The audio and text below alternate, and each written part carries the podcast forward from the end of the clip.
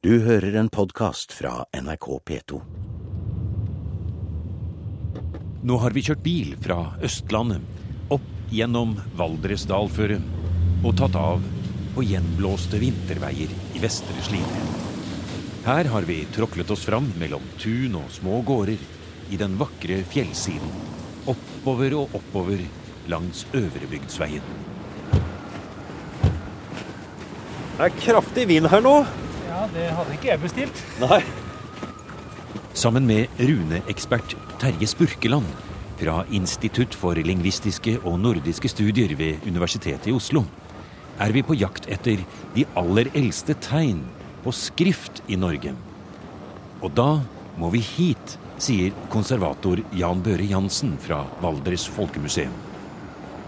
Ja, vi er ved Einangsteinen, som ligger i Garbergfeltet i Vestre Slidre. Som er et av Norges største jernalder gravfelt. Ja. Med ca. 1000 registrerte kulturminner, 600 gravrøyser. Ja, Vi ser ikke så veldig mange av dem her. Vi går jo og tråkker i snøen litt her. Og ser nå utover et område som eh, er preget av vinter, eh, vinterstorm, må vi nesten si her nå. altså. Ja, for det er snø over det hele akkurat nå. Og vi ser utover i landskapet her at det er små forhøyninger osv. Og, så videre. og det er gravene. Det er gravrøyser, store og små. Ja. Og der er det gjort en del funn, et romersk sverd bl.a., som forteller at vi ikke, er ikke helt utafor folkeskikken her oppe. Nei, men det er et eh, stykke unna, Jansen, må jeg si nå. Nå har vi kjørt eh, opp fra Fagernes. Vi har krongla oss opp gjennom bygdene her og kommet eh, Ja, hvor høyt opp er vi over havet nå? Vi er vel omtrent 400 meter over havet. Ja. Og vi kan jo se det på den måten at ferdselen gjennom Valdres fra Sogn og nedover på Østlandet, den har veldig lange tradisjoner. Så det var en ferdselsvei gjennom her. Med rikdom og det som fulgte med fra veldig langt tilbake. Men du får forsøke å beskrive landskapet litt for oss her. Vi står her og i vind og kraftig, flott norsk vintervær her nå. Eh, Men hvordan ser det ut her, eh, Jansen? Det du ville sett hvis det hadde vært klarvær og sommerlig, så hadde du sett inn i Jotunheimen. Ja, vi hadde sett det. Du hadde sett Valdresdal føre videre nordvestover mot Vang. Og så fortsetter det mot Filefjell. Du ville sett fjellene på den andre siden av dalføret her. Ja, for her vi står nå, så ser vi jo faktisk eh, ikke noe annet enn bare de nærmeste områdene rundt oss her. Og vi ser jo eh, Det er grå himmel, og det er snøkav og alt mulig her. Men faktum er at her kan man altså se fjellene i Jotunheimen herfra. Så det er et, eh, egentlig et utsiktspunkt her. Det er et fantastisk flott utsiktspunkt. Ja. Det er en nydelig utsikt i mange retninger. Så det burde komme igjen neste sommeren. Vi skal komme tilbake til, eh, til det, Jansen. Men eh, eh, altså Terje Spurkeland, nå står vi her og lider litt. For det må ofte runeforskere gjøre. Man lider aldri når man står foran en runestein. Nei. På ingen måte. Nei. Livet kan ikke være bedre enn når man står foran en runestein. Nei. Uansett vær. Og det er ikke hvilken som helst runestein vi står foran. Det er jo spesielt den steinen vi står med nå, som er eh, faktisk den eldste runesteinen vi har, som står på det stedet hvor den opprinnelig ble reist. Det er, det er antagelig to runesteiner i hele verden som fortsatt står på det stedet hvor, det, hvor de i sin tid ble reist. Og denne her, Einangsteinen som den heter, ble da reist her på dette sted hvor vi står nå, rundt år 300, tror vi. Det er jo grunnen til at vi har kommet hit. For det skal handle om runer. Men ikke bare om runer, men det skal handle om de aller eldste runene som vi i det hele tatt kjenner til. Og da måtte vi hit, eh, Spurkeland. For alle andre runestener vi har i Norge, de er tatt ut av sin sammenheng og er i et magasin eller plassert et annet sted, eller står inni en kirkemur, eller er ikke på det stedet de opprinnelig ble satt opp. Ja, Bortsett fra én til, da, som ja. befinner seg borte på Vestlandet. Så er det helt riktig. Så disse runesteinene det er jo da blant de eldste skriftminnesmerker vi har på norsk. Ja. Nå er det jo slik her at eh, dere har tatt vare på den Jansen, på en sånn litt spesiell måte. her. Eller det er vel kanskje Riksantikvaren som har satt opp dette her. For det er nesten som man skulle tro at det er en kjempestor monter fra et eh, museum vi står og ser på her nå. Ja, Vi er nødt til det å beskytte den mot vær og vind, ellers ville runene forsvunnet. Spurkeland konstaterer jo at noe kanskje er blitt visket ut siden sist han var her. Jaha. Så det må beskyttes hele tiden. Ja, for det er altså et, et glassbur, kan vi vel nesten si. Det ser ut som et, et lite klokkertårn nesten også. Et spisst eh, tak. Og da glass på alle sider. Eh, Så det- er det jo en ting ja. til. da, vet du, at Det er jo, det er jo ikke granittstein, dette, her, det er skifer. er Og, den, og den har lett for å flakke av. Ja. Så det er jo et under at uh, den har stått der da, siden år 300. Siden den har stått der i 1500-1600 år. Nettopp. 1700 år. 1700 år blir det faktisk. Så det er jo stort at det fortsatt er noe å se. Eh, altså Hvis du skulle beskrive den stenen litt nærmere, så ser vi altså at eh, størrelsen på stenen altså den er, eh, er 1,50 ca. ja, høy, høy, ja. Høy, Altså en ganske bred. Ja. En halvmeter bred da, kanskje, på det bredeste der. Og så en, en 15-20 cm tykk. Og det som vi trekker eh, Oppmerksomheten trekkes mot, selvfølgelig. Det er jo da noen røde tegn som står eh, vertikalt midt på stenen. Og de har, de har malt opp med farve her, og det er ikke helt tilfeldig at det er eh, gjort, eh, Spurkeland. Nei, altså vanligvis så liker jo ikke vi at eh, man fyller i runetegnet med, med rødfarge. Det gjør svenskene. Altså, Svenske landskapet kryr av steiner, og de har fylt ut med maling. Men, men det, det er jo litt juks, da, for da, da Det leder jo tolkningen vår. For det er litt vanskelig etterpå å komme og lese den på en annen måte. Det er jo ikke alltid like lett å skjønne hva som står. Men at denne har maling, det er ikke så uhistorisk. Fordi at eh, teksten sier jo faktisk at vedkommende har malt runene. Så mm, man tror at noen av de eldste runeinnskriftene de ble risset med kniv. Og så kunne, kunne disse sporene etterpå bli fylt inn med maling. Ja. Og det påstås jo at man har funnet rester, malingsspor, i, i, innskriften her, da. Så skal vi nå da avsløre hva som Vi står får her. nesten avsløre det. Det er Ja. ikke så veldig mange tegn her eh, som står her, og de er røde. Eh, Og leses det ovenfra eller nedenfra? Det leses ovenfra, så dette her, når det gjelder runeskriften, den kunne leses både fra venstre mot høyre og høyre mot venstre. Og her er det da fra, fra høyre mot venstre, altså ovenfra og ned. Nettopp. Og da Ja. står det da, det er nokså klassisk innskrift, det står ekk, Ja. som betyr jeg. ja. Og så kommer det gjerne et navn, ja. og Det navnet er spennende. det navnet er spennende. Det står uh, Ekk kan vi se, men så nei, begynner du på navnet. si, nei, vi kan ikke si ekk, skjønner du. Er det to første der, da? Nei, det er, det er navnet, det. Er det navnet? Vi kan komme litt tilbake til det. Det står da et navn som Ja. ender på Dagastir. Den første som kom hit og leste denne steinen, det var jo, det var jo Sofus Bugge og de folka der. Og de leste da sa, Dagastir Runo Fahido. Og eh, Runo forsto vi jo med en gang. ja, Runo betyr runeinnskriften. Ja. Og Fahido, det er verbet. Ja. Et svakt verb. ja, for det har man nemlig også. Det har man nemlig Ja. på 300-tallet. Ja. Ja. Ikke bare sterke verb, men Nei. også svake. Ja. Ja. Ja. Og, og dette verbet da, det er en eh, preteritumsform, fortidsform, av et verb faihan, som betyr å male. Ja. Så det står altså at denne mannen, Ja. som har et, navn som ender på Gastir, han malte, malte. runeinnskriften. Nettopp. Og derfor så er vi jo også inne på dette at det er helt riktig at det skal være i fylt i farve. Ja, så da, da har vi jo gjort sånn som det det ble gjort i sin tid. Ja. Men så var det dette med navnet, da. Ja. Og nå står jo denne her ganske pent oppi lia her. Ja. Og eh, på, i 1938 så kommer den store danske runolog Erik Moltke opp hit. Og han fikk jo da et sjokk, for han var jo her oppe omtrent på samme type vær som vi har her nå. Ja. Og han kom Han gående opp hit på ski. Ja. Ja, dansken. Ja. Og, men det var sol og pent vær, og han visste at man kan ikke studere runenskrifter i sol. Man har vært lur, han har tatt med seg et skjørt, et Valdres-skjørt, som han hadde lånt fra vertinnen på pensjonatet der nede.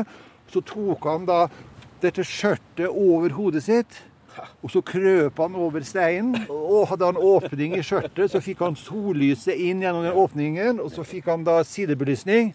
Så kunne han se at det sto da Kunne ha stått Gudagaster. Gudagaster. Ekk Gudagaster. Runo Faido. Dette ekk så han ikke, men han, han, han, så, han mente at det måtte stått noen runetegn først. for Han så noen spor av noen runetegn. Så han på en måte rekonstruerte innskriften da, ut ifra det han kunne se. Så fant han ut at, eh, at den mannen han het Dagastir, og så måtte det være noen tegn før det. Og så, så tenkte han det finnes belagt 44 navn fra den eldste tid som ender på Gastir. Vi har Levagastir på gudhorninnskriften, man har Ansu-gastir, og så gikk han til leksikon og fant mange gastir. Så fant han at, at det var en som het Gudagastir. Gudagastir, ja. At, at altså mannen heter da Ek, jeg, Ja. Gudagastir, Runo Fahido. Der stiger altså fram en eh, mann fra 300-tallet Ja, etter som da heter Gudgjest. som sto her og malte runer på Ja. denne stenen. Han ville markere dette stedet og skrev da navnet sitt med runer på den måten. Og det er noen sånne urnavn vi kjenner til, Spurkeland, som kommer frem til oss fra de aller første runeinskripsjonene. Eh, når du sier Ekk, så må vi jo jeg da svare Vivar. Ja, han, eh, han Å ja, nå er det østfoldingen som kommer her. ja, han er fra Tune i Østfold. Ja. Ja, Det er den kjente tunesteinen. Ja. Ek vivar afte våderide, vitanda leivan. Det var Vivar som da reiste stein over sin eh, herre Vårderide. Eh, Men den, av det var litt senere. Det Men ikke så veldig mye senere. 100-årig, tror vi i hvert fall. Ja. Men når vi først er inne på dette med forekomsten av eh, runestener fra den aller eldste tiden, så er det jo nettopp da i Norge vi finner de aller eldste inskripsjonene på sten. For eh, det er jo interessant å se på runeinskripsjoner i det hele tatt. Og de er jo ikke bare på sten, og kanskje de først og fremst var på helt andre materialer i sin samtid. Men de som eh, vi har bevart her, som vi snakker om, og de aller eldste, så er det altså nesten ingen fra denne tidsperioden i Sverige og Danmark. Nei, det er jo eh, veldig interessant, da. Fordi at runeskriften oppsto, tror vi, en gang sånn første andre århundre etter Kristus. Og da er det to kategorier som utmerker seg. Det er innskrift på våpen og gjenstander. Og det, der er Danmark som er eh, tidlig ute. Disse her funnene som har funnet i sånne offerfunn på, på Jylland. De er fra 150-200 og utover, da.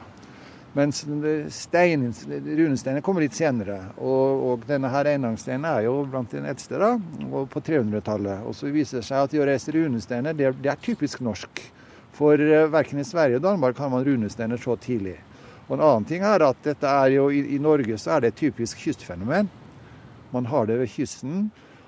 Uh, og så noen få på breibygdene på Østlandet. Så denne stenen som står her, tror jeg, som du sa, at det er nok snarere et, et, et, et, vitnemål om uh, kommunikasjon vestfra, fra kysten.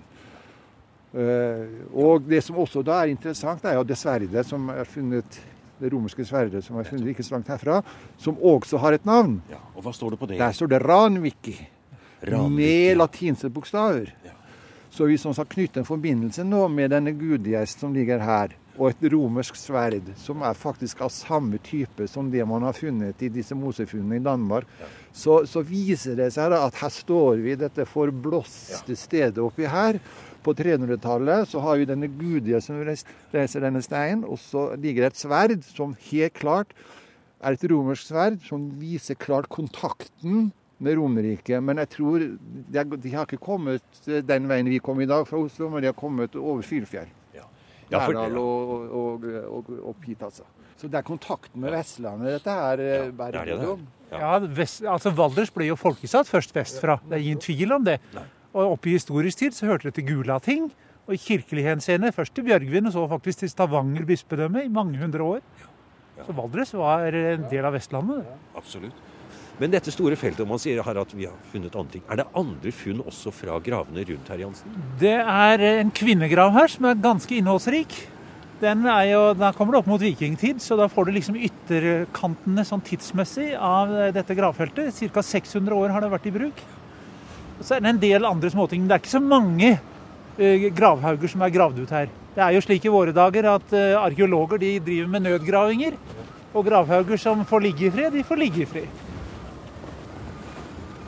Og Nå lurer jeg på, nå skal vi snakke litt videre, men skal vi bare gå på den andre siden av stenen her, dere? For at vi må nesten søke ly, vi. Av fra, vi må søke ly fra vinden her. For vi, vi er ute. Du, du syns det er flott? Det er flott. Det er flott å se, jeg må si det. Det er fantastisk kulturminne. Det er så mye varme fra steinen. Ja, det er jo det. Ja. Og det er også veldig spennende å se så konkret med. For det er jo noe helt annet enn en, håper å si, en arkeologisk gjenstand. For dette er en stemme. Dette er et språk. Dette er en, en direkte talt setning til oss Ja. fra mennesker som har levd før oss. Og det er, jo, det er jo viktig å tenke på liksom, altså det, Dette er jo ikke en gravstein. Dette er ikke Vi må bare fremheve det. Denne herre mannen Gudgjest, ja. Gudgjest, ja. Ja. Det, han er ikke begravet her. Nei da. Det er han som har reist steinen. Ja, si litt om det. Og så må, man lure på hvem var han, og, og hvilken funksjon har steinen. Man tror at denne steinen er blitt reist, og den ble reist i veldig tidlig fase av feltet, faktisk. Han, har Gudgjest må være en av gründerne her, han da. Absolutt. Så, så han, han, han, han, han kunne hatt en eller annen kultisk funksjon. Han heter jo Gudgjest. Ja, så heter han Gjest hos gudene. Nemlig, han heter det òg. Så det kan være noe der. Så, så jeg tror at denne steinen har stått der som en slags sånn eh, Kanskje en slags velsignelse for hele, hele stedet. Men jeg tror den her, når han sier eh, runofaid og gjorde runeinnskriften gjorde dette her, så tror jeg det, Så er det selve innskriften som er poenget. Ja, og så er det for på en måte dette, dette kan jo bare liksom fantasere om, da, men det må jo være på en måte for å, å si, velsigne hele feltet eller området rundt her, da. For det er- Marker- Markerer han ikke også at han kan runer? Jo, det, det svært mange andre ikke kan? jo da, det, det, det kan for så vidt være, men, men men eh, jeg, jeg tror nok man må se steinen og innskriften som et, eh, og i, i relasjon til gravfeltet her. Nå. Og nettopp derfor så er det kanskje som Jansen var inne på her, at det, det, er, det er nettopp dette med at runene i seg selv har en, en kraft. Og nå er det jo legmennene som snakker her. For her er det sånn at vi begynner å drømme oss litt bort i magi. Men er det ikke slik, Spurkeland, at selve ordet rune også betyr et mysterium? Jo, beklageligvis så gjør det det. Det er det som er så synd. Fordi veldig mange de knytter en magiske forestilling til runeskrift. De tror jo at runeskriften ble skapt i magisk hensikt, og at det var et lite lite, gjerne et slags presteskap, eller noe som, som brukte dette her i forbindelse med magi og kult. Det er jeg dypt uenig i, øh, for jeg tror at runene ble skapt som et effektivt kommunikasjonsmiddel. Germanerne kom i kontakt med romerne. De så dette her med skriftspråk, så hvordan man kunne kommunisere ved hjelp av skrift. Germanerne fant, fikk samme behov. De kunne ikke, de kunne ikke eh, ha, gjøre avtaler og, og, og drive med forretninger og hva de nå holdt på med, bare ved, ved muntlige avtaler lenger. De måtte, ha, ha, de måtte bruke skrift. Ja. Så det er rent praktisk kommunikasjonsmiddel som er bak opprinnelsen til runene. Men når det er sagt, så er det klart at man kan bruke runer til å skrive magi, akkurat som man kan, Man kan skrive å voks- skriver hokus Ja. hokus filiokus med latinske bokstaver, uten at noen knytter magi til den enkelte bokstavtegn, men at man kan skrive Ja. magiske budskap med bokstaver. Det kan man. Og da kommer runeordet inn, da. For det kan jo bety Ordet rune kan jo bety magisk budskap, hemmelighet eller noe sånt noe. Og så har man da latt det ordet også bety eh, Være navn på, på de skrifttegnene man brukte for å, å, å nedtegne disse her magiske beskjedene eller budskapene, da, kanskje. Men la oss holde oss et lite øyeblikk nå til nettopp dette tidspunktet som du trekker opp for oss nå. Sånn ca. 200 etter Kristus. Da vet vi altså at runene er i bruk. De har vært i bruk en god stund, vet vi også faktisk da. Fordi at som det står på akkurat denne stenen som vi står her ved siden av nå, og varmer oss ved i kulda, så står det jo nettopp der at ordet runer er brukt. Det er en interessant ting. Det betyr at det ordet er nå i bruk som betegnelse på dette nye skriftspråket som du sier de har funnet i behov for gjennom bl.a. kontakten med Romerriket. Men hvorfor, Spurkeland, bruker man da Hvorfor finner man da opp eget alfabet? Futarken. Ja, det er en gåte. Og hvorfor tok de ikke, overtok de ikke det latinske alfabetet? For nemlig, de som laget det runealfabetet, de De måtte være latinkyndige. De måtte kunne, de måtte kunne lese det latinske alfabetet, og de måtte kunne lese latin, for ellers så kunne de ikke skjønne hva dette her var for noe. Nei. Og så dro de da hjem, og så lager de sitt eget alfabet. Ja, og ikke bare det, Spurkland, men hvis de skulle hogge det inn i sten, så er det jo faktisk lettere med de latinske bokstavene. Ja, det er ikke sikkert. Det er i hvert fall ikke noe vanskeligere. Ikke noe vanskeligere. Og når du rister inn i våpen, så kunne de like gjerne bruke de latinske bokstavene. Så da er spørsmålet hvorfor laget de sitt eget alfabet. Da er det to teorier som kan svare på det, som på en måte kan eh, utfylle hverandre. Det ene er at eh, disse runesteinene og runeinnskriften vi kjenner til, de var ikke primære. Det var ikke det som var representativt for runeskriften den gangen. Nemlig, man tror at runene blir i vel så høy grad brukt til å ristes i tre, i tregjenstander. Men tre er ikke så bestandig som stein og metall. De har forsvunnet, rett og og Så de er forsvunnet. Og skal du risse i tre, så, så må man ha bokstaver som går på tvers av en, altså med loddrette og skrå streker, ikke vannrette streker. Og det er jo typisk for runetegnene at de består av loddrette og skrå streker. Men så kan det være en ting til òg, som kanskje også kan ha spilt med her, at, at germanerne hadde kanskje et visst behov for å distansere seg fra romerne og, og Romerriket. Vi, vi vil jo gjerne være litt sånn annerledesland her oppe. Ja. Det kunne begynne tidlig, det da.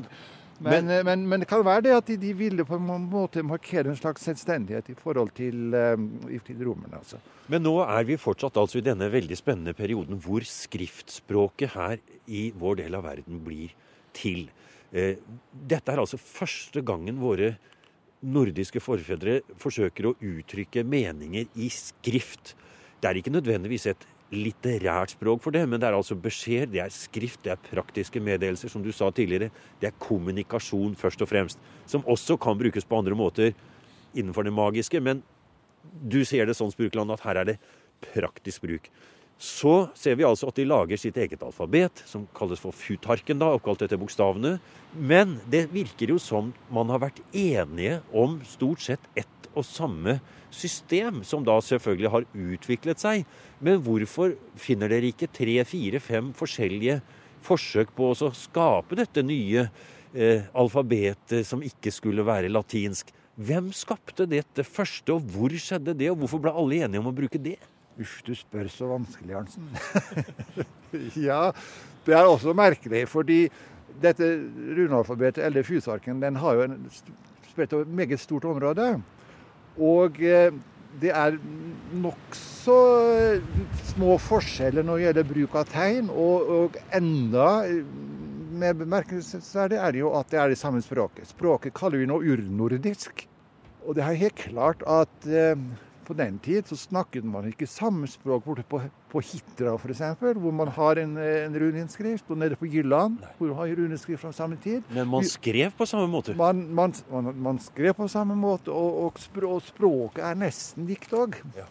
Så, så, så det er jo merkelig at, at det ikke er flere dialektforskjeller som nedfølger seg i, i runeinnskriftene.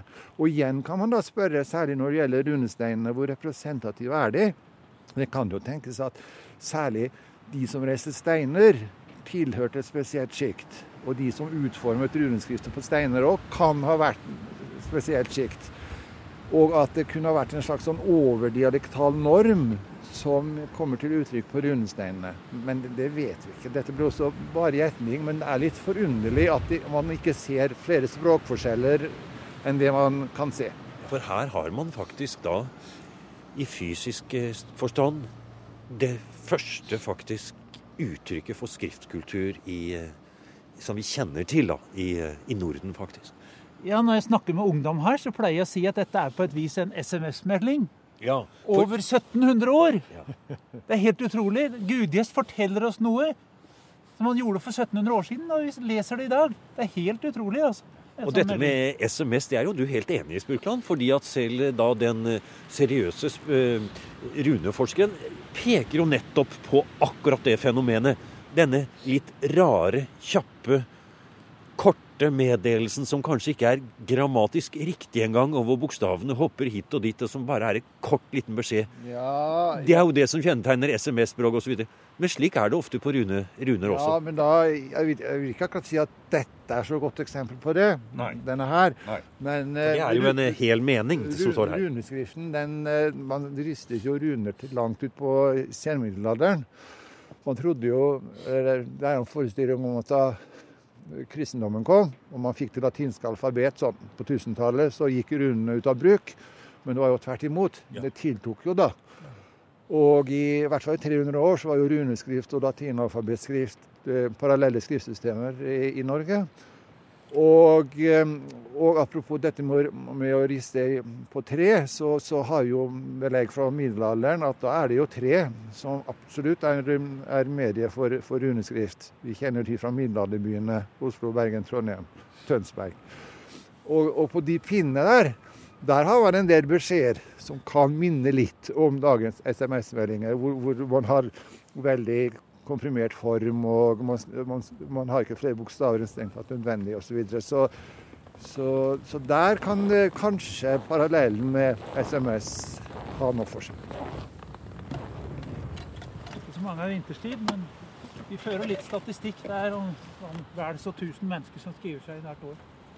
Du skriver ikke lønneruner her og nå, vel, eh, Terje? Nei, nå skriver jeg Nå gjør jeg akkurat som Spy- Gudagaster. Ja.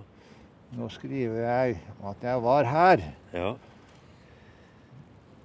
med det gamle alfabetet. Jeg liker det. Ja. ja. Skulle nesten skrevet museum med runer òg nå, da. Jeg får skrive. Det er så vidt jeg greier å holde i, i pennen her. Du har nå hørt en podkast av programmet Museum fra NRK P2.